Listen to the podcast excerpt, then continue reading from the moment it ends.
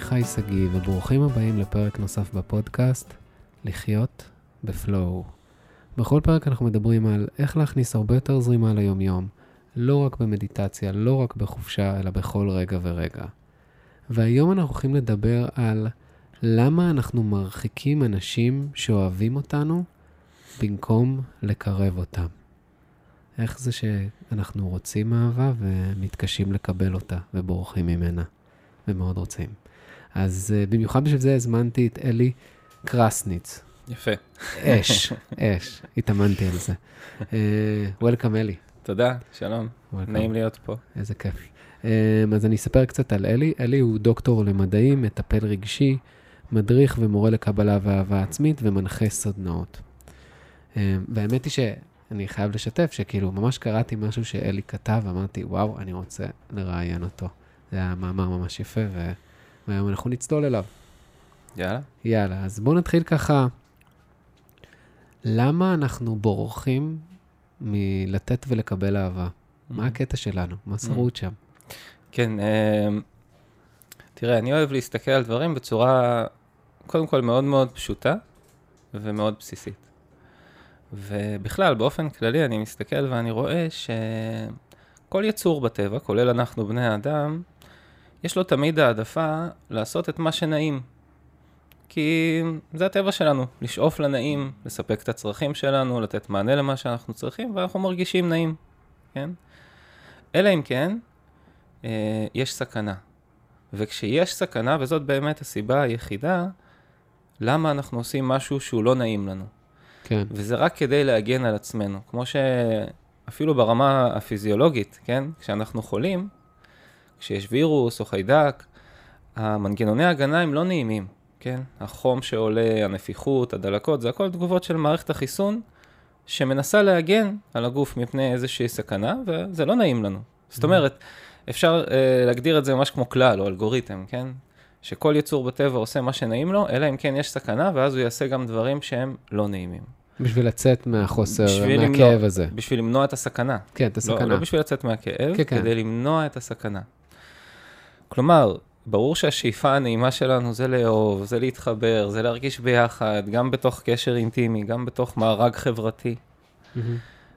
כולם ברור שזה מה שנעים וכיף בסופו של דבר, וזאת הכמיהה הטבעית שלנו. אבל רבים מאיתנו למדו, כמוני אגב, וכמו רבים אחרים, בילדות, שזה פשוט מסוכן מדי. מסוכן מדי כי כשמתקרבים נפגעים מאוד מאוד. כי היו שם מסרים שהפעילו בנו תוכנות עתיקות של סכנה, של חוסר שייכות, למשל, אם בתוך מערכת יחסים אינטימית, בתור ילד, אה, או בדוגמה שראיתי ביחסים בין ההורים, אוקיי. Okay. הועברו מסרים של אתה לא בסדר, אה, וזה עוד מסר מאוד עדין, כן? כן. או אין לך מקום, או אף אחד לא באמת יאהב אותך. אה, שוב, אני מדבר תמיד על דוגמאות אישיות שאני עברתי, או... אבל אחרי... אין uh... מקום לבטא את הרגשות שלך, אם אתה מרגיש רגש שלכאורה שלילי שההורה לא יכול להכיל אותו, נגיד רגש של כעס, אז אתה לא בסדר. ואז כן. אתה לא יכול להרגיש יותר, אתה לא מאפשר לעצמך להרגיש כעס, כי אתה לא רוצה... כן. בכלל, אמונת הלא בסדר, שזה סוג של uh, מניפולציה מאוד מאוד עוצמתית שנעשית על ילד, uh, ומועברת מדור לדור, כי... כשהורה משדר בכל מיני צורות ודרכים, יותר אלימות, פחות אלימות, יותר קשות, יותר מרומזות, יותר ישירות, לא משנה, אבל המסר הזה של אתה לא בסדר, משמעותו בעצם שלא יאהבו אותך, שאתה לא ראוי שיאהבו אותך, אתה לא ראוי שיהיה לך מקום בחברה. וזה מסר מאוד מאוד מפחיד, כן. שמפעיל בנו מנגנוני הישרדות מאוד עוצמתיים, כי אנחנו יצורים שבטיים, mm-hmm. שבמשך מיליוני שנים שרדו בזכות הביחד כן. השבטי. ואם אני מקבל מסר אה, בדרכים ישירות או עקיפות, שאני זה לא בסדר, שאני זה לא טוב, ילד רע, מקום... שאתה ילד רע, כן, שאתה לא... נכון, יש כל מיני צורות. בואו נזרוק כמה צורות, שכזה אנשים ינסו לחשוב מה הצורות שהם קיבלו. ש- של אתה לא בסדר? כן. אה, למה אתה כל הזמן ככה וככה? אה, לא, כל הזמן ביקורת. המון. צורות ביקורת, זה לא טוב, זה לא טוב, זה לא בסדר, זה לא מספיק טוב. אתה לא עושה מספיק. כן. אה, מניפולציות, אני עשיתי בשבילך, אתה לא עשית בשבילי, אני נותן לך, אתה לא נותן לי. נכון. אה, כמובן... זה מילים... שאהבה, כאילו, אני עכשיו, אה, אני צריך לת- אתה בשביל לתת, בשביל, אני צריך לקבל אהבה, כאילו, אז אני דורש את זה. כן. וגם התנהגויות כמו התעלמות, אה, ניתוק, נכון. נטישה, התרחקות, אה, מניפולציות רגשיות שנעשות בצורה של התנהגות פסיב אגרסיב, כן, וכמובן שזה בחוויה שלי והרבה מאוד אחרים, זה מאוד נפוץ, ביטויים ממש אלימים של מילים גסות, קללות. אה, אמירות מאוד מאוד קשות של אתה, אני לא, לא יודע מה רמת הצנזורה פה, אבל... לא, דבר חופשי, כן, כאילו. מילים, מילים קשות, ו- ואתה ככה וככה, ונמאס ממך, ואתה זה, ואתה זה, ואתה זה, והתנהגות שמלווה את זה, עונשים, סנקציות, אה, התניות, דרישות, לא מספיק טוב, לא בסדר וכולי, ויש המון צורות לזה. ואז אנחנו הולכים בעולם שאנחנו לא מספיק טובים. כן. עם אותה אמונה של ההורים שלנו בעצם. כן. בלי לשים לב, כן. שאנחנו מנגנים את זה שוב ושוב בראש. נכון. וזה מגיע גם דרך היחס של ההורים אלינו, וגם דרך המערכת יחסים של ההורים עם עצמם, ועם המערכת יחסים של ההורים עם העולם, עם אנשים אחרים, עם הסביבה. ואת כל זה אנחנו סופגים ויונקים בילדות המוקדמת שלנו, וזה נטמע בנו כתמרורי אזהרה, שאנחנו לא מודעים אליהם בדרך כלל, כן? צריך קצת לחפור ולהעמיק בשביל לגלות אותם.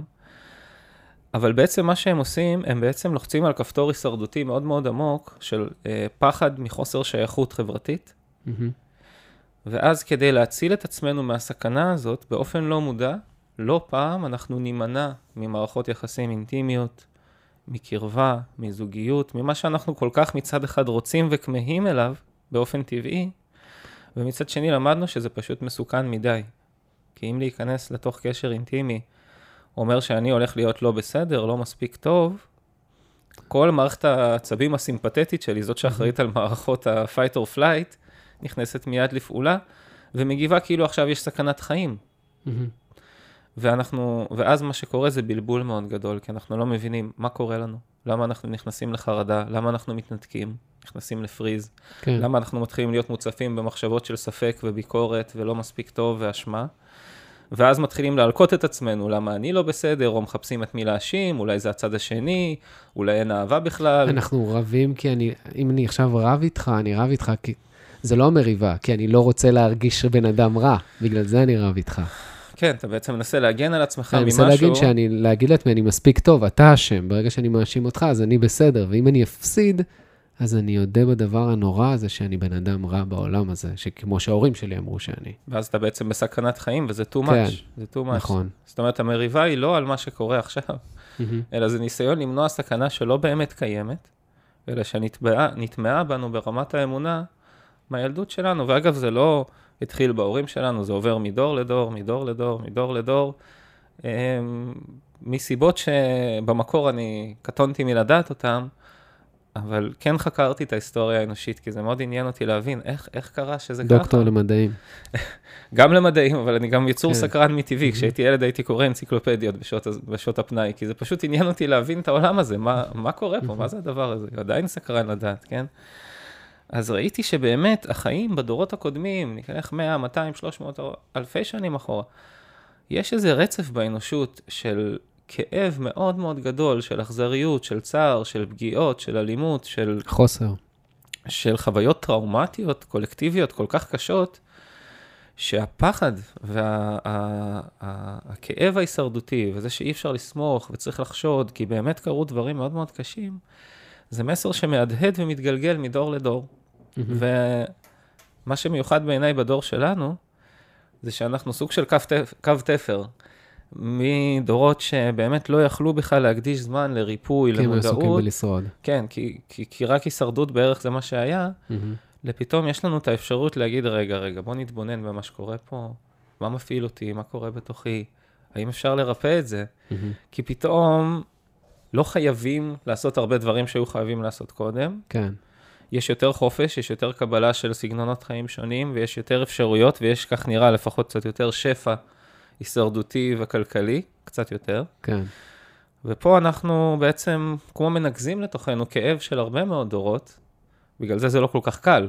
לפעמים זה מרגיש כל כך גדול, כי באמת זה לא עניין של דור אחד. אבל תקשיב, בסרטים זה פשוט, הוא מה, הוא בא, הולך איתה על הגשר, מתנשק בגשם, מה, איפה הדורות, איפה כל הדברים האלה? כן, פשוט לא רואים מה קורה אחר כך. כן.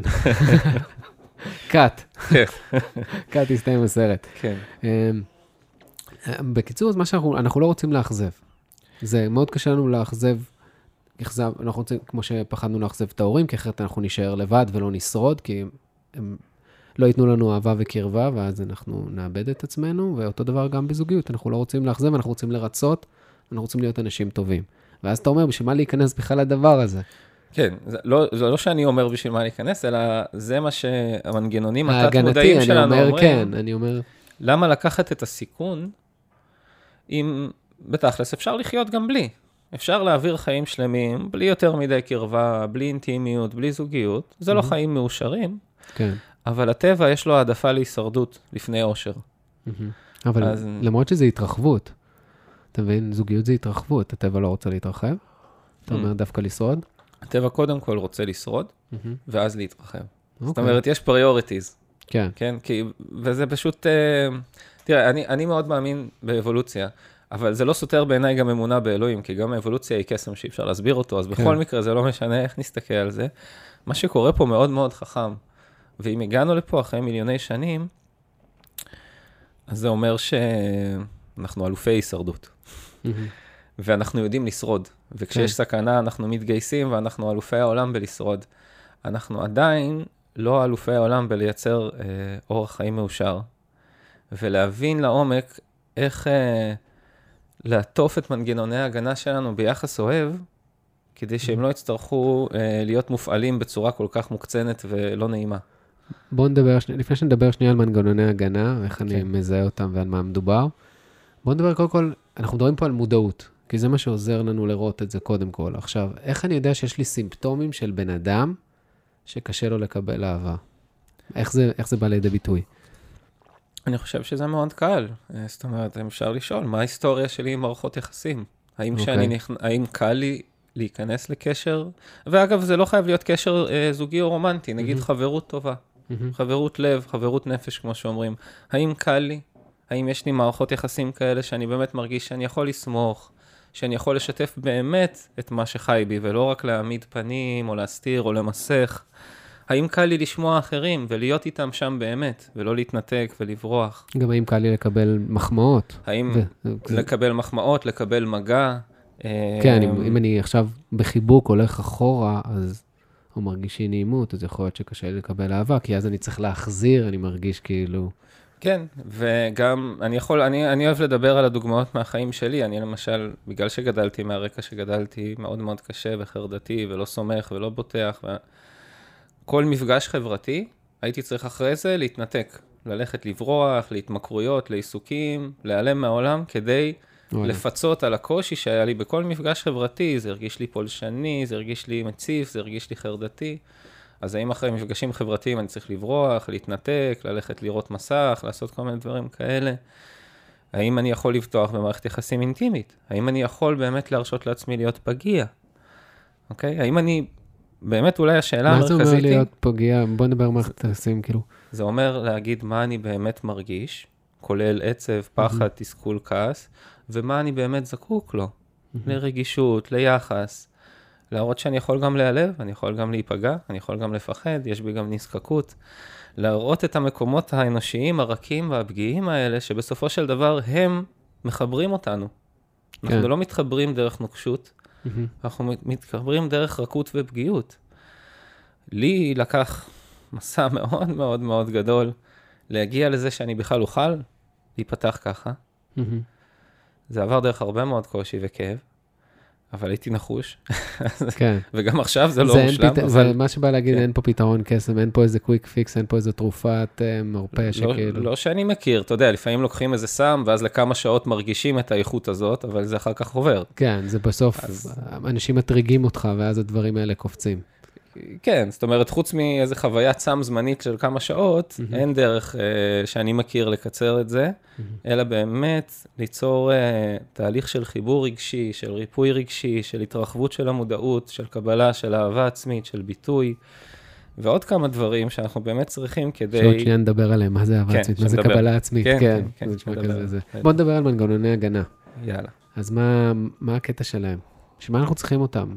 אוקיי, אז כשהייתי ילד, הייתי בין... ההורים שלי לא... הייתי ילד, לא הבנתי כלום. סבבה, אז למה אני ממשיך עם זה שנים? אה, כי ככה אנחנו בנויים. כי אני לפעמים אומר לאנשים, תחשוב שאתה מגיע לכוכב שבחיים לא היית בו, עם יצורים שאתה בכלל לא מכיר, לא את החוקים, לא את השפה, אתה אין לך מושג מה הולך שם, אתה לא יודע איך להיות שם, אתה גם לא יכול לטפל בעצמך, אתה לא יכול לענות לעצמך על אף צורך, זאת אומרת, הגעת לשם ועכשיו אתה חסר ישע, נתון לטיפול שלהם, ללימוד שלהם, כי אחרת אתה לא יודע כלום, אתה לא יודע איך, עושים צעד, איך אוכלים, איך, איך שותים, אתה לא יודע כלום, כלום, כלום. אז הם בונים את הזהות שלך. והם הנציגים של אותה חברה חייזרית, כן? ואיך שהם מתייחסים, אתה לא יודע כלום על הכוכב הזה. פתאום הופעת שם. אין לך מושג מי אתה אפילו, כן? כן. כלום אתה לא יודע. במצב כזה, אתה כאילו, כל מה שנותנים לך זה בעצם כל מה שקיים, כן? אז הנציגים, אתה מקבל שני נציגים של אותה חברה, כן. איך שהם מתייחסים אליך, ואיך שאתה רואה שהם מתנהגים, זה הבית ספר שלך, זה מה שאתה לומד, ש... שקורה בעולם המוזר הזה שהגעת אליו. זה כן? גם מי שאתה, אתה מתחיל להיאחז ולהתחבר למה ואיזה אומרים. יחס מגיע לי. עכשיו, זה גם קשור להתפתחות המוח, איך שהמוח נבנה מתינוקות וכולי, שלבי התפתחות המוח, ו...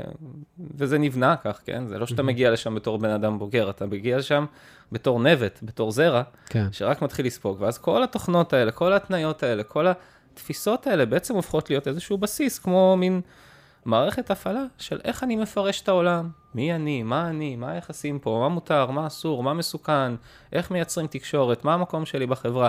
כל הדברים האלה נטמעים בנו בגיל צעיר, ככה אנחנו בנויים. ואז אנחנו יוצאים לעולם עם כבר תשתית מסוימת, די מגובשת, שאנחנו גם לא כל כך מודעים אליה, כי היא לא נמצאת בפרונט של המודעות שלנו, היא נמצאת ברקע, כן. כדי שאנחנו נוכל להתעסק עם הדברים היומיומיים. אבל זה משפיע עלינו מאוד. אז זה מה שקורה. הבנתי. אז עכשיו, בוא נדבר איזה סוגי מנגנוני הגנה. דיברת על חלק, אמרת עכשיו מהמם. על מסכים, שזה מנגנון הגנה. איזה עוד מנגנוני הגנה יש לנו? בגדול, אה, מי שמכיר את המושג מערכת העצבים הסימפתטית, זאת בעצם אותו חלק במערכת העצבים שלנו שאחראי על מנגנוני הגנה, יש לו שלושה מצבים, שאנחנו גם, רבים שמעו עליהם, כן. מה-FFF, fight, שזה להילחם, flight, שזה לברוח, ו-freeze, שזה לקפוא ולעצור במקום. כן. אז מנגנוני ההגנה שלנו בעצם מתפרסים על פני שלושת הצורות האלה. אוקיי? יש לנו? Fight, זה אומר אה, להתווכח, להתנגח, להעביר ביקורת, להאשים, אה, להטיל כל מיני סנקציות, להעניש, אה, לנסות לשלוט בכוח, בכל מיני צור- צורות. זה מנגנון הגנה, משפחה של מנגנוני הגנה.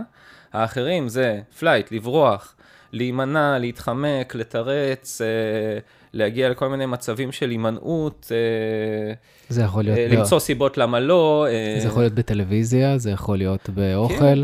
שזה, אני אוכל כדי לא, שלא להיות מושך. ו... זהו, שם, אני, זה, זה לא באמת uh, קריטי איך להגדיר את זה, אבל אני יותר משייך את זה ל freeze, לניתוק. ל freeze? אה, פשוט כן. להתנתק, אני לא פה, אני עכשיו רואה מסך, אני מעשן איזה משהו, כן. אני שותה משהו, אני אוכל משהו, מסכים איתך. ובעצם זה יותר שייך למקום של הפריזיות, של הניתוק, של כן. אני בכלל לא פה, זאת אומרת, גם אדישות מסוימת, אה, פשוט לא לענות, להיעלם, לקפוא, אה, לא להיות נגיש, לא להיות זמין, לענות תשובות לא קשורות, אה, כן.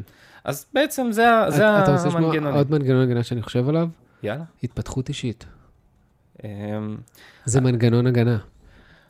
זה כאילו, אתה לא מאפשר, אתה כאילו, יש לך, קורה לך סיטואציה, ואז אתה ישר, אני אסתכל על הפתרון, אני אחשוב חיובי, אתה מבין? ואז אתה בעצם לא מרגיש את הרגש של אותה סיטואציה, ואז אתה בורח. והרבה הרבה פעמים התחלנו את ה, כל החיפוש שלנו של העצמה אישית, כי ברחנו מכאב מסוים שהיה לנו, שלא רצינו לחוות אותו.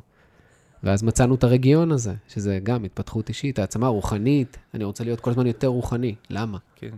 אתה בעצם מדבר פה על מה שנקרא spiritual bypass. כן, לגמרי. זאת אומרת, אה, אני ממש ככה, אני ממש מסכים עם זה. גם אני התחלתי את המסע שלי מגיל 14, התחלתי לקרוא אה, אושו, הערה, כי כל כך פחדתי לחיות בחיים האלה, לחיות ולמות, וזה היה גדול עליי, שחיפשתי משהו שיגיד לי שיש משהו שהוא ביונד, מעבר מהמם. להכל, כן? כן, ולקח לי המון שנים ואלפי שעות מדיטציה להבין שאני בעצם בורח מהחיים, ולהסכים להיות פה אנושי. ואתה יודע מה הזוי בזה? אתה חושב שאתה מודע יותר, אתה קורא את הדברים, אתה אומר, מה, אני מודע, אני זה, אני עושה כן. מדיטציה, ואז אתה אומר, אתה עוד יותר מתנתק, אתה עוד יותר בורח. נכון, ובעקבות הרבה מאוד מסעות שעברתי, הבנתי שיש דרך אה, יש כלי שהוא בשבילי הסנטר של החיים שלי, מהמם. שמאפשר לי לראות אה, ולא לסטות מהדיוק שלי עם עצמי, מהמם. ולא להיכנס לאשליות של בייפס או של אה, כל מיני מנגנוני הגנה. מה זה הכלי הזה?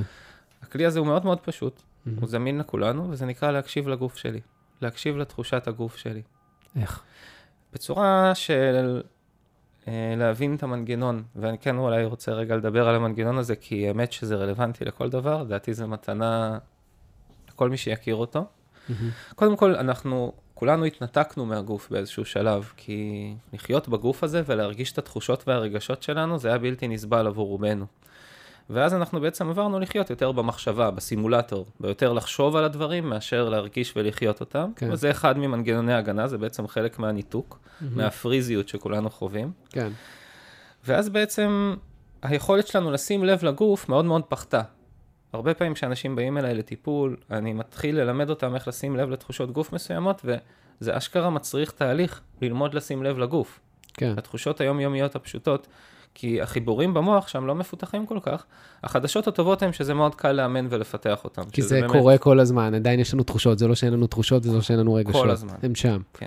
עכשיו, הנושא הזה של תחושות הגוף הוא נורא מעניין, כי בעצם הגוף שלנו, כל התחושות שלנו הן בעצם על סקאלה של בין יותר נעים לפחות נעים. מהמם. נכון? יותר נעים זה קלילות, הרפאיה, נינוחות, כל מיני תחושות של עונג, בעצם כל מיני תחושות. הרמוניות. כן, יכול להיות כל מיני זרמים, עונג, רטטים אורגזמיים, כל מיני אה, ויברציות ותחושות נעימות, אפילו קרירות נעימה, חמימות נעימה, אה, נשימה טובה, כל מיני כאלה. והפחות נעים זה מתח, לחץ, מועקה, כאב, כבדות, נוקשות, עומס וכדומה, כן? מהמם. אז יש לנו בעצם סקאלה שהיא מנעד בין שני הדברים האלה, ויש סיבה מאוד מאוד חכמה מאחורי הסקאלה הזאת. זאת אומרת, הגוף שלנו לא סתם מייצר את הדבר הזה, אלא יש כלל, וזה מאוד מאוד קשור למענה לצרכים שלנו. והכלל אומר דבר כזה, ברגע שיש לי צורך, תהיה לי תחושה פחות נעימה. ברגע שאני אתן מענה לצורך, התחושה תהיה יותר נעימה. ודוגמה שכולנו מכירים, נגיד אני צמא, פחות נעים לי, אני מבין שיש לי צורך, אני שותה, נהיה לי יותר נעים. כן. נכון?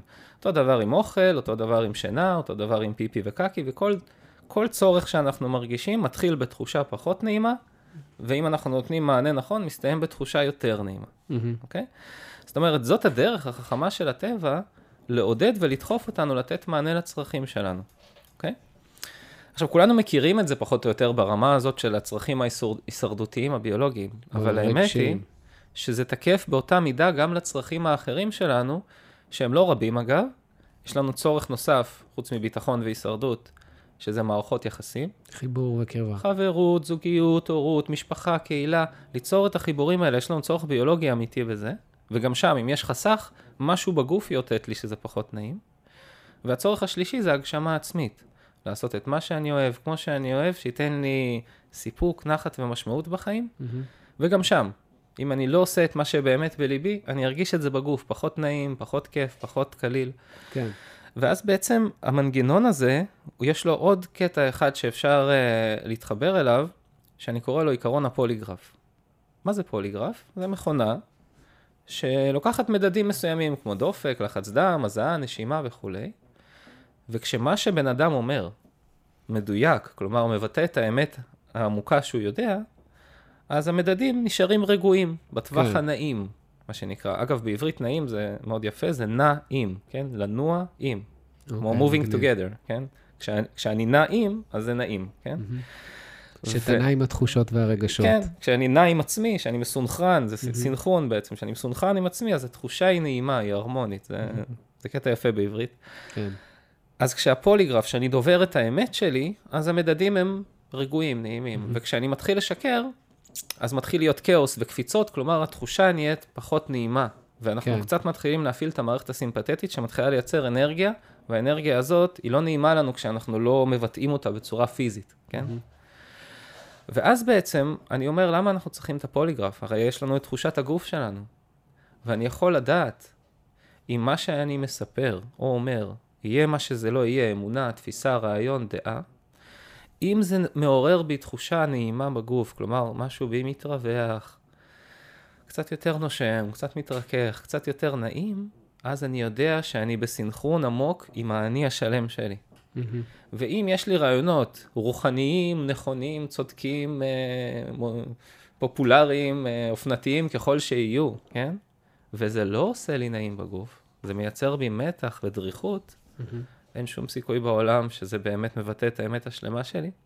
ובעצם כך, על ידי הקשבה לתחושות הגוף, שזה משהו שאפשר לאמן אותו בצורה מאוד מאוד נעימה וכיפית אגב, כי. אה, יש הרבה אסכולות שמלמדות את זה, אני מאוד מאוד התחברתי לדרך של דווקא להתחבר דרך התחושות הנעימות, כן? כן. אז ההקשבה הזאת בעצם עוזרת לנו לנפות ולדייק את עצמנו מכל הרעיונות שהם בייפס, שהם עוקפים, שהם לא באמת מדויקים לנו, ולזקק אמת יותר ויותר טהורה של באמת להיות אנושי, להיות אמיתי, להיות פגיע, להיות זמין, להיות, להיות אני, גם להיות בכאן ועכשיו. ו- לגמרי. תחושות, תחושות זה כאן ועכשיו, זה לא מחשבות, זה לא מה אמור להיות, זה מה יהיה, לא מה יהיה בעתיד או בעבר, זה כאן ועכשיו. לגמרי. זה, זה, זה, זה ווין ווין ווין, זה כאילו הצומת שבה הכל נפגש, גם הכאן ועכשיו, גם הכנות, גם האחדות, גם האותנטיות, גם הפגיעות, גם הרגישות, גם האנושיות, גם הזמינות. אה, וגם העונג. כי יש עונג בלהיות פגיע, יש עונג בלהיות זמין, יש עונג בלהיות מה זה חשוף. אומר עונג להיות פגיע וחסר? יש, יש עונג בגוף, Mm. ומקשיבים לזה, זאת אומרת, אפילו עכשיו שאני מדבר על זה, יש בי ויברציות מאוד נעימות שאני חש בגוף שלי, כי הלב שלי כמו מבקש את זה. הוא מבקש להיות אנושי, הוא מבקש להיות לא מושלם, לא, לא, לא ממוגן, לא ממודר, לא יודע הכל. לא הילד טוב שההורים רוצים ולרצות את כולם. כן, הוא מבקש להיות האני, הפגיע, הרגיש, האנושי והאותנטי שאני, ו- ו- והגוף שלי מאותת לי שזה מה שבאמת נעים לי, בהבנה יותר עמוקה, זה מה שעונה לי על הצורך. מהמם. זה מה שמאפשר לי לענות על הצרכים שלי, אם אני זוכר שהגוף תמיד מגיב בתחושה נעימה למה שנותן מענה לצורך שלי באמת. מהמם. מדהים. בוא נדבר על זה שלפעמים, אם עכשיו בזוגיות, הרבה פעמים מי שאנחנו בוחרים מעורר בנו צדדים שאנחנו לא רוצים לראות. חלקים שאנחנו לא רוצים לראות. בוא נדבר קצת על חלקים. לגמרי. זה הטריגרים. רק שאני הייתי. אומר שזה חלקים שאנחנו כן רוצים לראות, רק לא במודע. כן, זאת אומרת, אנחנו שאנחנו לא רוצים לראות, כאילו, במוד... לא, במודע אנחנו לא רוצים. בסיפור שאנחנו אותי. מספרים לעצמנו, אנחנו כאילו לא רוצים לראות. כן, אבל בעומק שלנו, אנחנו לגמרי, מאוד איתך. רוצים לראות אותם, כי אנחנו לא שלמים בלעדיהם, ולא יכולים באמת להתפתח בלי לפגוש אותם. כן, כזה. נכון. אז בוא נדבר על זה, מה זה הדבר הזה? הדבר הזה הוא בעצם השאיפה הטבעית שלנו להיות שלמים עם כל מה שאנחנו. קראתי פעם אה, אה, ספר של אה, תרפיית גשטלט, שזה לא התחום שאני בהכרח עוסק בו, אבל אני אוהב לקרוא ולהחכים מכל מיני גישות אה, טובות. וקראתי ספר של איזה דוקטור מהתחום הזה, ומשפט אחד שם נצרב לי בזיכרון, שזה הגדרה לבריאות. והיה כתוב שם, אני בריא כשאני בקשר עם כל החלקים שלי. זאת אומרת, אגב, בריאות גם פיזית וגם uh, נפשית. כן. אני בריא כשאני בקשר עם כל החלקים שלי. בוא נדבר אומרת, מה זה חלקים, ניתן דוגמאות של חלקים ככל כן, שלא. אה, למשל רגשות שלי, מהמם. תחושות הגוף שלי, האמונות שלי, הקולות שאני שומע בתוכי, האלה שאומרים, אני כן בסדר, אני לא בסדר, אני כן רוצה, אני לא רוצה, יש לנו מערך שלם של קולות פנימיים, תחושות, אזורים רגשיים. ככל שאני בקשר, כלומר, מה זה קשר? מסוגל לשים לב, מסוגל לבטא, מסוגל להכיר בקיומם, ומסוגל ליצור איתם איזושהי תקשורת, כמו ממש כמו שיח פנימי, דיאלוג, אוקיי, אני שומע אותך, אני רואה, אני מבין, זאת אומרת, ממש לייצר תקשורת פנימית. אז הבריאות מתרחבת. עכשיו, יש לנו שאיפה לא מודעת לפגוש את כל מה שלא פגשנו בתוכנו פנימה. זאת אומרת, על פני השטח הסיפור שלנו זה שאני רוצה שיהיה לי קל ונעים ונוח והשוואות לאחרים והסיפור ההוליוודי, כן? כן, פרפרים בבטן, הפנטזיה. נכון, אבל למעשה יש לנו כמיהה יותר עמוקה ויותר חכמה בעיניי, שזה לפגוש את החלקים של עצמנו שהם עדיין כמו ילדים פגועים, עזובים, נטושים, ש- שלא מרגישים אהובים בתוכנו, לא מחוברים בכלל. ואז אנחנו ממגנטים או פוגשים או מזמנים לנו בני או בנות זוג, שבמחיצתם נוכל לפגוש את כל אותם חלקים פגועים, עזובים ונטושים בתוכנו, לא מתוך כוונה להקשות עלינו, כן? אלא מתוך הזמנה לגדול במודעות וליצור את ולבחור, האינטגרציה הזו. בדיוק, לבחור ליצור את החיבור על בסיס של אהבה, של חמלה, לא של אה, מודל בעיה פתרון, כמו שאני קורא לזה, של איזו מכונאות כזאת, של אוקיי, יש לי חלק, זה לא טוב, את זה צריך להזיז, את זה צריך לשנות. ממש, ממש לא כזה. מהמם. אלא ההפך, יש בי מקומות שהם כמו ילדים פגועים, שהם לא מבינים, שהם עצובים, שהם בני שנתיים, הם בני שלוש. ואני רוצה קודם כל להצליח לשמוע אותם ולחמול ולסלוח ולקבל, ולהבין שגם הם חלק ממני, וליצור איתם דיאלוג מרפא. והם לא ייעלמו לעולם, ו- בסדר שהם שם. נכון, הם לא ייעלמו, אבל אם הם יקבלו יחס אוהב, אז החוויה שלהם תשתנה לאט-לאט, והיא משתנה לאט-לאט. מהמם. זאת אומרת, אה, הם באים ממקומות שבילדות חווינו חסכים או טראומות, והזמן כמו עצר מלכת שם, זאת אומרת, ה- ההתפתחות עצרה. כן. ובמקומות מסוימים אנחנו באמת בני שנה, בני שנתיים, בני שלוש, ורואים את זה מאוד מאוד ברור כשמסתכלים על החברה, רואים אנשים שמתנהגים, כולל אותי אגב, אני לא מוציא את עצמי מהכלל הזה, לפעמים כמו ילדים בני חמש, או בני שלוש, או בני שנתיים, ואז מישהו יבוא ויגיד לך, מה, אתה ילד? מה, אתה תינוק? כן, נכון, ברגע זה אני מופעל מגיל שלוש. מהמם. עוד מעט זה יעבור לי. כן. אבל כרגע אני בן מרגיש תחושה שלוש, של אה, חוסר אונים, של... ומגיב, ולפעמים משתולל, ואומר דברים קשים, ואני פשוט בן שלוש בגוף של בן 40, אז יש לי הרבה יותר אה, כוחות לעשות דברים. ולפעמים זה מוביל למצבים אלימים, פוגעים, קשים, כי כשילד בן שלוש מקבל גוף של גבר בן 40, אז הוא יכול לעשות הרבה דברים לא נעימים. כן. כן, המטרה שלנו. לקבל את כל הילדים בגן, מה שנקרא. את כל הילדים בגן שלנו. כן. ולא, כן. מה שנקרא, להדחיק ילד אחד או לשים אותו בפינה והוא לא בסדר. כי אז אחרי זה אנחנו נראה את זה בבני זוג שלנו. עכשיו, שאלה לי אליך, אז אנחנו פוגשים בני זוג שהם בעצם עם ה...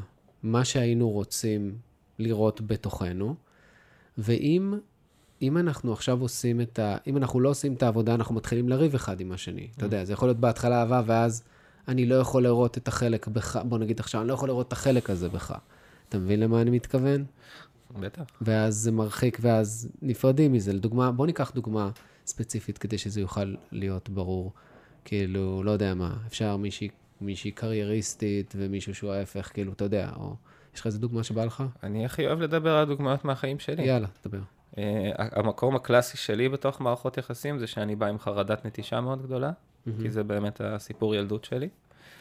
Uh, ובעצם באופן קלאסי, הנטייה היא לפרש, שלי, התנהגויות מסוימות של הבת זוג שלי, כנטישה.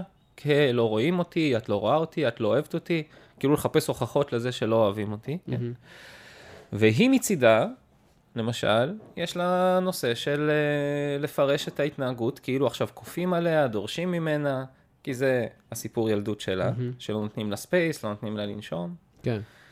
וזה שזה בדיוק ההפך, וזה בן אדם שרוצה space ו- לבן אדם ש- ב- שצריך מישהו עכשיו. בדיוק, וזה בדיוק הקלאסיקה של אה, חומר נפץ, כן? כן, כי ברגע שהיא לא הגיבה אליי כמו שאני ציפיתי, עכשיו אני מפרש שנטשו אותי, עכשיו נלחץ לי כפתור הישרדותי מאוד מאוד קשה, עכשיו היא האימא שנוטשת אותי, כן? כן. ואני בא ומתלונן על זה, עכשיו, עכשיו אני בשבילה, אותו הורה שדורש ממנה, לא נותן לה מקום ולא נותן לה space. הדיאלוג שלך, כן. זה הדיאלוג של... אה, בדיוק, אנחנו משקפים אחד לשני את ההורה, שיש לנו נושאים לא פתורים איתו, כן? וזה תמיד, תמיד, תמיד קורה בזוגיות, אנחנו נפגוש את דמות ההורה, שיש לנו את הנושאים הלא פתורים איתו, אבל זה החיצוני, הפנימי זה שאנחנו נפגוש את הילד הפגוע, שמקשיב להורה. שעדיין מחפש אישור מההורה, שעדיין לא התפתח לנקודה שבה הוא כבר מבין שלא צריך הורה בחוץ, שכל האישורים והביטחון שלי באים מבפנים. וזאת מתנה. זאת מתנה שהיא קשוחה. כי כשאני פוגש, שוב, את האתגר הזה של היא לא ענתה לי כמו שרציתי, היא לא נתנה לי את החום או את החיבה או היחס ש... שרציתי, מופעל אצלי מנגנון הישרדותי מאוד עוצמתי, והטורים ישר מתחילים לעלות, כי המערכת הסימפתטית נכנסת לפעולת התגוננות, ואצלה נכנס המנגנון של הנה עכשיו לא רואים אותי, דורשים אותי, דורשים ממני, מנסים ללחוץ עליי, ואני צריכה גם להילחם. והנה עכשיו אנחנו יוצאים לקרב כשכל אחד נלחם על, ה, על, ה, על הזכות שלו להיות נאהב בדרך שהוא ולא לא קיבל. להרגיש רע איך שהוא מתנהג. כן, הזכות להיות נאהב באופן שהוא לא קיבל בילדות. מהמם. ועכשיו כן. אנחנו בתיאטרון הזה של את, את האימא שנטשה אותי, אתה האימא שלא נתנה לי space, ואנחנו בעצם משחזרים את הכאב הזה, עושים replay לכל הדבר הזה, והחוכמה היא, עבורי לפחות, ללמוד להבין שיש פה מתנה. זה לא סתם, זה לא תקלה, זה לא טעות, כי גם, אתה יודע, עברתי הרבה מערכות יחסים בחיים שלי, ו... וכשהבנתי שאני פוגש את אותו כאב, לא משנה מי הבת זוג שם, אוקיי, הצורות קצת שונות, אבל אני עדיין מרגיש נטוש, לא אוהבים אותי, לא רואים Mhm. אותי, ו- וכל פעם נכנס לאותו כאב, אז בסוף אני מבין, ריבונו של עולם, אני המכנה המשותף פה. כן. לא הבנות זוג שמשקפות לי כל הזמן את אותו דבר. והעניין הוא לראות את זה באותו רגע, להיות מודע באותו רגע. לא לבוא בהאשמות, לא לבוא ב... אז כן. וגם ככל שנאהב, האמת היא, ככל שנאהב את החלקים האלה ב, ב, בבנות זוג או בבני זוג, אז ככה נוכל לאהב את החלקים בנו. אה, כאילו, ככל שנקבל ונאשר אותם, הייתי אומר את זה הפוך דווקא. מה? זאת אומרת, ככל שאני לומד לקבל ולאהוב את, את החלקים האלה בי, ככה יהיה לי יותר קל לקבל ולאהוב את זה בב- אני אגיד לך מה. זה שני כיוונים. נכון. מצד אחד אני יכול לעשות את העבודה עם עצמי, מה שאתה אומר, או כי אם אני לא רואה את זה עם עצמי, אז הבת זוג באה ומעוררת לי את זה, חביבי, יש לך את החלקים האלה, אז אם אני אקבל את זה בה, או בכל בני אדם, נגיד, אני עכשיו מסתכל על מישהו ואני שופט אותו, אם אני לא אשפוט אותו ואני אקבל ואוהב את החלק בו, זה יאפשר לי להרגיש בסדר עם עצמי. זה, זה כאילו, זה, אפשר ככה זה ואפשר ככה, כיוונים. זה אין ויאנג, זאת אומרת, אין פה, כן. אין פה דרך אחת נכונה. אפשר להיעזר באחר כדי לקבל את עצמי, אפשר לקבל את עצמי כדי לקבל את כן, אני חושב האחר. שהאחר בא, בכלל, כל דבר בחיים נועד כדי שניצור את האינטגרציה הזאת ולעורר את המודעות שלנו, אם אנחנו ערים. אם אנחנו לא ערים, אז אנחנו מתחילים את המריבות האלה. ופה, אגב, זה קצת מעורר בי את הרצון אולי לשתף באיזשהו משהו שהוא יכול להיות התחלה של דרך מעשית, כי האמת היא שזה, בחוויה שלי זה לא פשוט. זה לא פשוט, זה דרך של שנים. אה, ללמוד, ליצור את הריפוי הזה ולא להיות מופעל באותו רגע, או להצליח לקבל את מה שקורה באותו רגע, או לראות את המתנה שיש פה בכלל, שזה בכלל לטובתי כל העסק הזה, כן? כן. זה לא טריוויאלי, לא טריוויאלי. הלוואי וזה היה, אבל זה לא. מהמם. ואולי בתור התחלה, למשל, מי ששומע עכשיו ומתחבר לדברים, ומזהה את הקושי הזה גם אצלו בחיים, ורוצה את החוויה הזאת של כן להתחבר, כן להיות באינטימיות, כן להיות באהבה, להתחיל לרשום מה משתקף לי לאורך החיים, כן? איזה דפוסים, איזה דברים משתקפים לי לאורך החיים מתוך אינטראקציה עם אנשים קרובים, עם בני או בנות זוג, או אפילו עם ילדים. חברים טובים. למשל, אצלי מאוד מאוד פשוט, לא אוהבים אותי. אף אחד לא אוהב אותי. אה, חזר על עצמו אלפי פעמים, כן? לא משנה עם מי אני בא באינטראקציה, הגיע, כן? אה, אה, לא אוהבים אותי, אה, אף אחד לא מבין אותי. בסוף אתה תישאר לבד. לא רואים אותי. כן, לא רואים אותי, לא מבינים אותי, לא אוהבים אותי, בסוף אתה תישאר לבד. אה, אסור לסמוך על אף אחד. לא צריך גם אף אחד. אה, את- לא במקרה שלי, במקרה שלי הסיפור היה שאני מאוד צריך, כן. אבל אין. לי יש סיפור, אין- אין- סבבה, אני אסתדר. כן, יש גם, שוב. דיברתי על הדוגמאות כן. שלי, אבל מן הסתם יש גם את זה מאוד נפוץ, ויש כל... אה. אבל להתחיל לרשום, לפחות חמישה נגיד, חמישה דפוסים או אמונות או קולות כאלה של כאב וצער, שחוזרים לי, אה, או, או זה יכול להיות גם על עצמי אגב, אני דפוק. אה, אף אחד לא יכול לאהוב מישהו דפוק כמוני, או אני... אני זה יותר מדי. אני זה יותר מדי. או אני זה לא מספיק, שזו צורה משלימה של כן. זה, כן? אה, להתחיל לרשום לפחות חמישה כאלה, ואז להתחיל, קודם כל, להתבונן על זה שקודם כל, כן, כן, זה קיים בי. פשוט להכיר בזה שזה קיים בי, המקומות האלה הם חלק ממני. ולהרגיש את לא התחושה טעות. בגוף. ממש, כן. ממש לדבר עם עצמי רגע, לעשות עם עצמי כמו איזה אה, וידוי, כן? קונפשן כזה, כן? של כאילו, רגע, שנייה, בוא, בוא נעזוב שנייה הכל, ובוא נהיה רגע כנים עם עצמנו, כן? פשוט לשבת עם רגע של כנות ולהגיד, הדברים האלה, הקולות האלה, הפגיעות האלה, הכאבים האלה, הם חלק ממי שאני. זה לא מזל רע, זה לא קרמה, זה לא... אה, משהו דפוק בפס ייצור. זה לא שלאחרים אה, טוב ורק לי זה קורה, אני לא קורבן, אוקיי? אלא זה חלק ממני, אלה חלקים לגיטימיים ממני עצמי, שהם תוצרים קרוב לוודאי של איך שגדלתי. וזה לא שההורים שלי אשמים בזה, גם הם תוצרים של איך שהם גדלו ואיך שהם גדלו, זאת אומרת, יש פה שרשרת אנושית, ולהבין שהמסרים האלה לא התחילו אצלי, הם תורשה של דורות רבים, ולהתחיל לבדוק, אני אוהב את זה, איך הייתי מתייחס לילד בן שלוש או ארבע, שזאת החוויה שלו. למשל, ילד בן שלוש או ארבע, שהחוויה שלו זה שאף אחד לא מבין אותי. להתחיל להתבונן לא רק על הסיפור, אלא, גם על הרגשות. לרשום מתחת לכל סיפור כזה, לפחות שלושה, ארבעה רגשות שמתעוררים. למשל, כשעולה בי הסיפור של אף אחד לא אוהב אותי, או שאני זה יותר מדי, כן. מה אני מרגיש? אה, אני מרגיש תסכול, אני מרגיש עצב, אני מרגיש פחד, אני מרגיש חוסר אונים וייאוש, כן. אוקיי? אגב, גם המיומנות הזאת של לזהות רגשות היא מאוד לא טריוויאלית עבור רובנו. נכון, כן. אפשר לשבת עם דף.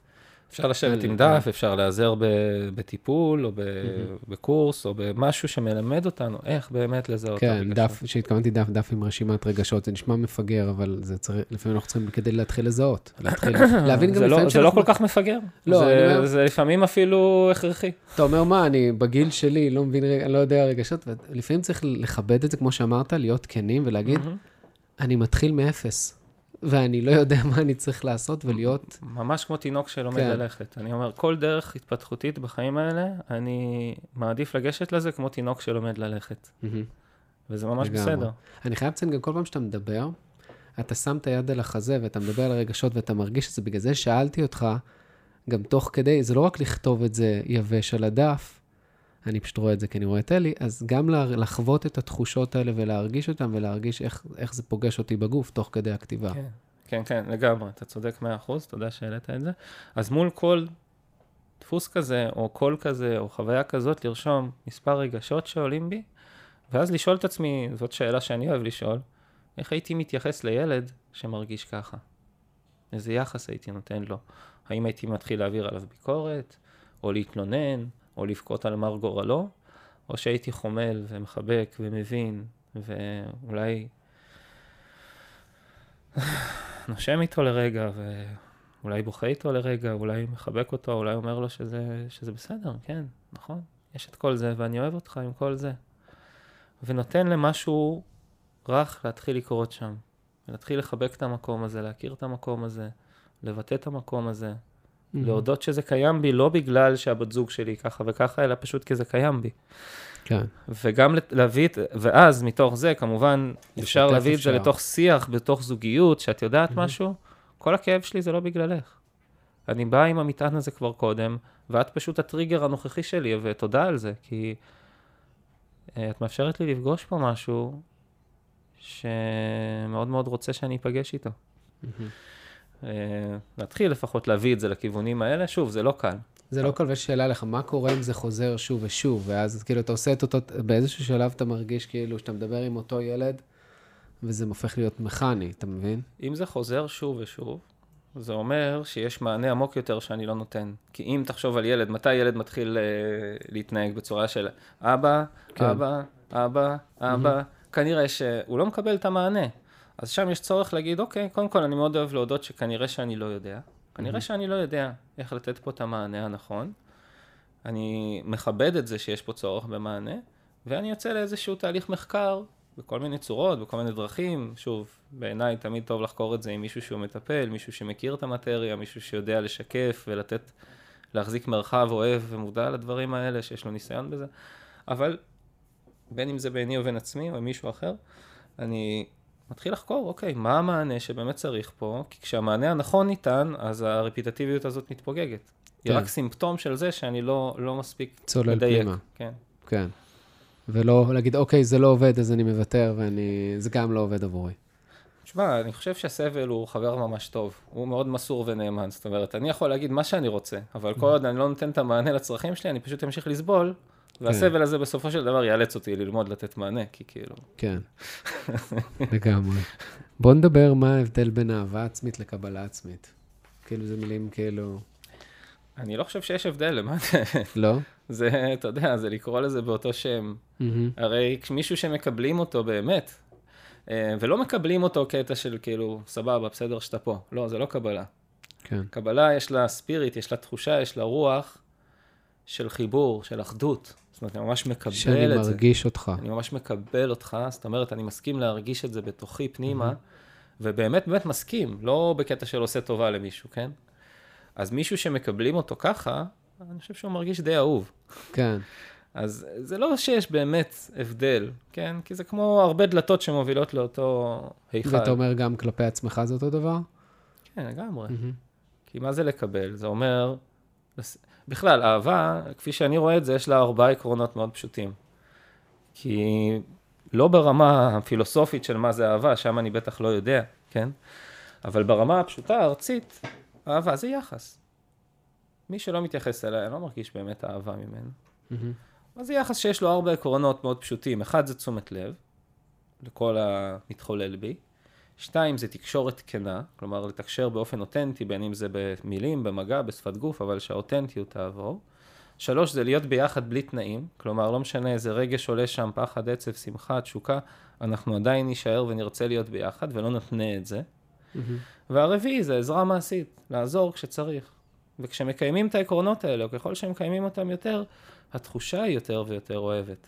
כן. וגם זו תחושה של קבלה. זאת אומרת, כי אני לא יכול לקבל משהו שאני לא בקשר איתו, שאני לא שם לב אליו. כן. אני לא יכול לקבל משהו שאני לא כנה לגביו, ואני לא יכול לקבל משהו שיש לי התניות, שאני לא מסכים שזה יהיה ככה או ככה. זאת אומרת, אז בעצם קבלה ואהבה בבסיס זה ממש אותו דבר. יכול להיות חלק ש... שלא לא מוכן לקבל אהבה. שאני לא, לא יודע, אתה מבין למה אני מתכוון?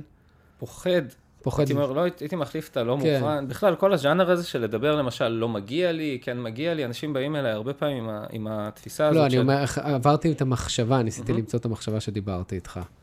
כן, כן, אני רק, רק רוצה פשוט, אה, זה העלה לי מהמם. פשוט איזו נקודה, שהרבה פעמים אנחנו באים בתפיסה שלא מגיע לי, ולמה אני חושב שלא מגיע לי, וכל הדברים האלה, או לא מוכן, או למה אני לא מסכים. ואני אומר, חבר'ה, זה הרבה יותר פשוט מזה. זה הכל סיפורים, אבל מה שקורה בפנים זה שאני פשוט מפחד. אני פשוט מפחד מאינטראקציה קרובה מדי, כי זה מפעיל בי את אותם מנגנוני הגנה שמזכירים לי שאני לא בסדר, שאני לא מספיק טוב, ואז המערכת שלי דוחה את זה בכל מיני תירוצים ואמתלות וסיפורים על עצמי, על אחרים, על העולם, על אהבה, על מגיע לי, לא מגיע לי, אבל בשורש מה שקורה זה שאני פשוט מפחד, כלומר אני זקוק לביטחון. מהמם. ואם אני אדע לתת לעצמי את הביטחון הזה, כלומר כשאני לומד, וזה באמת מה שאני לומד ומלמד, איך לתת לעצמי את חוויית הביטחון, אז הפתיחות שלי לאהבה, לקרבה ואינטימיות תלך ותגדל.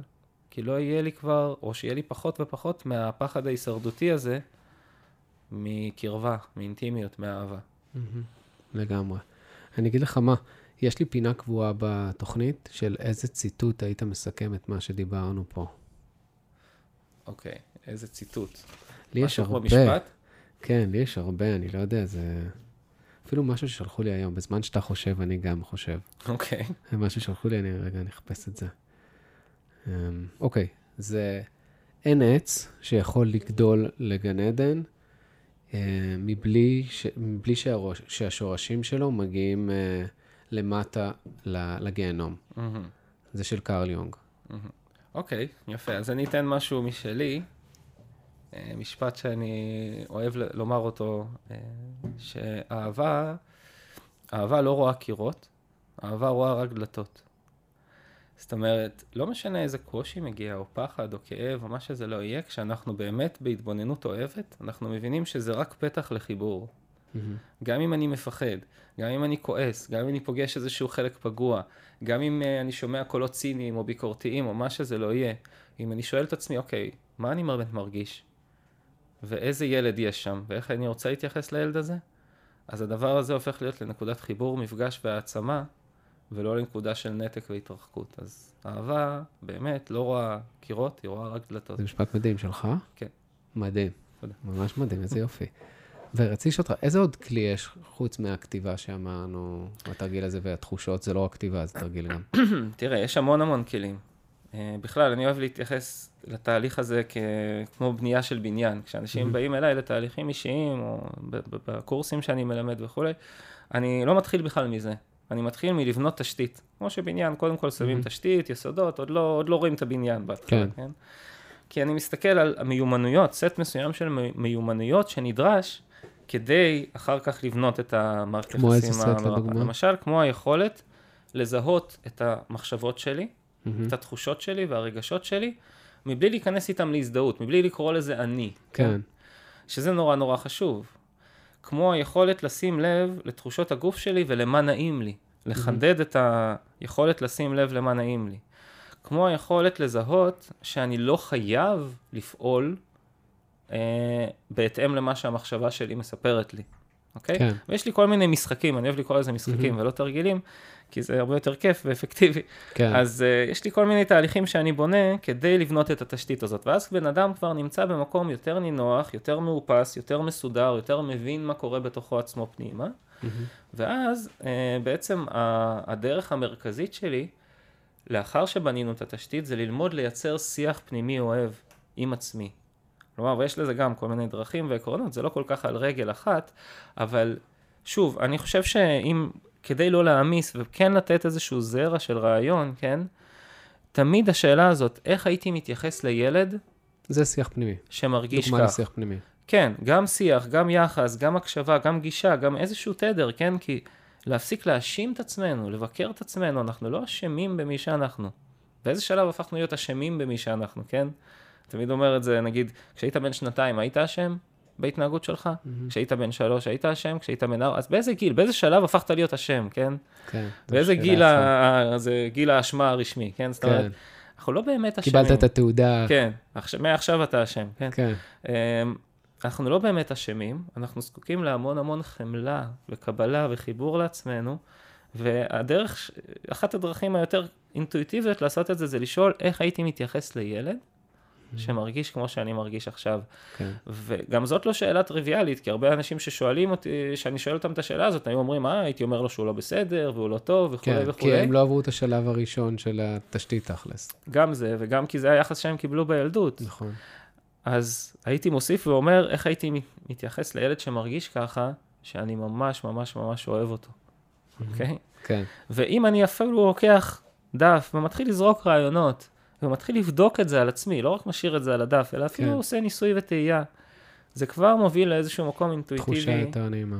הרבה יותר מעניין, זה פותח רעיונות, וכשמכניסים את זה לשיח זוגי, כשעושים את זה ביחד, זה מאפשר להמון המון התרחבות וחמלה, מהמם. ובסופו של דבר, כן, כדאי לבוא וללמוד את זה בצורה מעמיקה ויסודית, אין ספק. לגמרי, ברור. אה, המטרה היא פה לפתוח את התודעה ולהבין לאיפה לחקור בכלל, איפה לחפש. כן, כן, כי העולם הזה מלא. ברעיונות מאוד מבלבלים. כן, וגם ברעיונות פתרונות קסם, קוויק כן, פיקס, אנשים נכנסים ליוטיוב, לגוגל, שמעתי כן. את ההוא אומר ככה, זה אומר ככה, תעשה ככה, והרבה פעמים אה, נהיים עוד יותר מבולבלים מכל ה... לגמרי, לה- לבנות באמת את ה... אהבתי את ה- את הבניין, את התשתית שלנו, וגם לזכור שאנחנו טובים עם כל המגרעות שלנו. אנחנו טובים כמו שאנחנו עם כל המגרעות שלנו. כן, בגדול זה, זה, זה מדהים, אבל אתה יודע, לבנות את המקום הזה, להרגיש את זה חתיכת ולחוות, דרך. נכון, מן לה- הסתם גם אתה עברת מהמם. דרך לא זה קצרה. עדיין בשביל- עובר, ועדיין, אה, ברור. עדיין עובר, ברור. וכל, וחוטף המון אה, כן. בומבות בדרך, אבל זה, זה העניין, זה, זה להיכנס, אני רק לאחרונה מאפשר לעצמי להיכנס לתוך הרגש. מאפשר לעצמי להיכנס ולחוות את הדבר הזה עד הסוף, ולא להבין אותו רק, ו... וזה, זה, אני חושב שזה הדרך, פשוט להיכנס פנימה, לחוות את, את התחושות, את הרגשות, ואז זה מתחלף, ואז יש, עובר את, הת- זה מגיע התחושה הנעימה, ומגיע ה... אז כן, ושוב, להזכיר, כמובן, להקשיב למצפן של הגוף. מה שלא כן. יהיה, אם זה לא נעים לי בגוף, לא משנה כמה זה נשמע נכון, אמיתי, רגיל, פופולרי, כמה עוד אנשים אמרו את זה חוץ ממני, אם זה לא נעים לי בגוף, אין שום מצב בעולם שזאת האמת השלמה שלי, ואין שום מצב בעולם שזה יביא לתוצאה באמת נעימה. זה כאילו צריך להיות הסכמה בין הראש, גוף ורגשות והלב, זה הכל ביחד.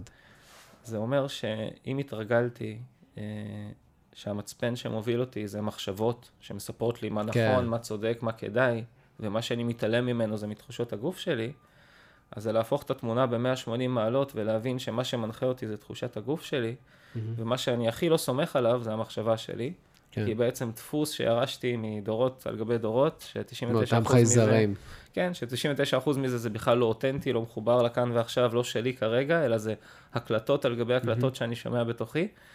ואם יש קונפליקט בין מה שהגוף משדר למה שהמחשבה אומרת, אני 100% הולך עם הגוף. אני ממליץ את זה לכל אחד. ולראות שכל כך הרבה פעמים המחשבה חוזרת על אותן טעויות מיליון פעם. מיליון פעם, כן. אני אוכיח, אני אגיד לה, אני אראה לה, היא תראה שזה ככה וככה, ומה קורה בסוף, מריבה, עצבים, תסכול, כן. ובסוף כבר, כבר מתרחקים ו... כאב וצער ו- ושברון לב, ו- והמחשבה כאילו לא לומדת, היא תעשה את אותה טעות מיליון פעם ולא כן. תלמד. אבל הקשבה לגוף מגלה שרגע, כל זה לא נעים לי. אולי נעים לי פשוט רגע להיות בשקט. אולי נעים לי פשוט חיבוק, אולי נעים לי להגיד, וואלה, את יודעת, אני פשוט עצוב עכשיו. כן, כן, ההקשבה לגוף מביאה למקומות אחרים לגמרי, לגמרי. אלי, הזמן טס לו, כמובן. טס לו וחלף לו במהירות, ואני רוצה להודות לך. זה היה עונג. תודה, גם אני נהניתי. זה היה תחושות נעימות. גם לי. גם לי. בעיקר נעימות. כן, איזה כיף. אז חברים, אני רוצה להודות לכם על שהאזנתם לפרק הזה. אני מקווה שגם לכם היו תחושות נעימות. יכול להיות שגם היו תחושות לא נעימות, כי. אוי, רגע, אני פתאום קולט איך אני מתנהג לבת הזוג או לבן הזוג, וזה גם טוב. זה, אין פה נכון או לא נכון, וזה בסדר גם להרגיש את התחושות הלא נעימות ולא לברוח מהחוסר נוחות הזה, שככה פתחנו את כל השיחה הזאת. אז אני רוצה להודות לכם, אתם מוזמנים לשתף את בן או בת הזוג שלכם ולתרגל איתו קצת ולחפש איך להתקדם. אה, אה, איך אפשר להגיע לך, אלי? אז אפשר להגיע אליי בכל מיני דרכים, יש לי את האתר שלי, שזה awake.co.il, awake כמו להתעורר, בער. אפשר לרשום את השם שלי בגוגל או ביוטיוב, אלי קרסניץ, ואחלה מאמרים יש שם. ויש מאמרים, ויש מלא סרטונים, ויש אה, יש פייסבוק, יש כל מיני אופציות, אז יש קורס אינטרנטי שמלמד את הגישה שלי בצורה מסודרת, יש פגישות אישיות, טיפול זוגי, יש סדנאות בדרך, כל מיני דברים. מדהים. אה, תודה. מדהים וכיף. אז uh, כמו שאמרנו, א', uh, אתם מוזמנים למה שנקרא לצלול לעולמו של אלי. אז אני רוצה להודות לכם, חברים, אם אהבתם את זה, שתפו אותנו באינסטגרם, אתם מוזמנים uh, להעלות סטורי של הפרק הזה ולה, ולשתף עוד אנשים, שעוד אנשים יקשיבו ויאזינו לפרק החשוב מאוד הזה והעמוק הזה. אני רוצה לא, אז להודות לכם, אני מאחל לכם המשך יום נפלא, יום מלא בתחושות נעימות, מלא במודעות. מלא בקבלה ואהבה עצמית לכל החלקים שבנו, המון רכות. אה, וכמו שאנחנו מסיימים כל פרק, May the flow be with you. צ'או חברים.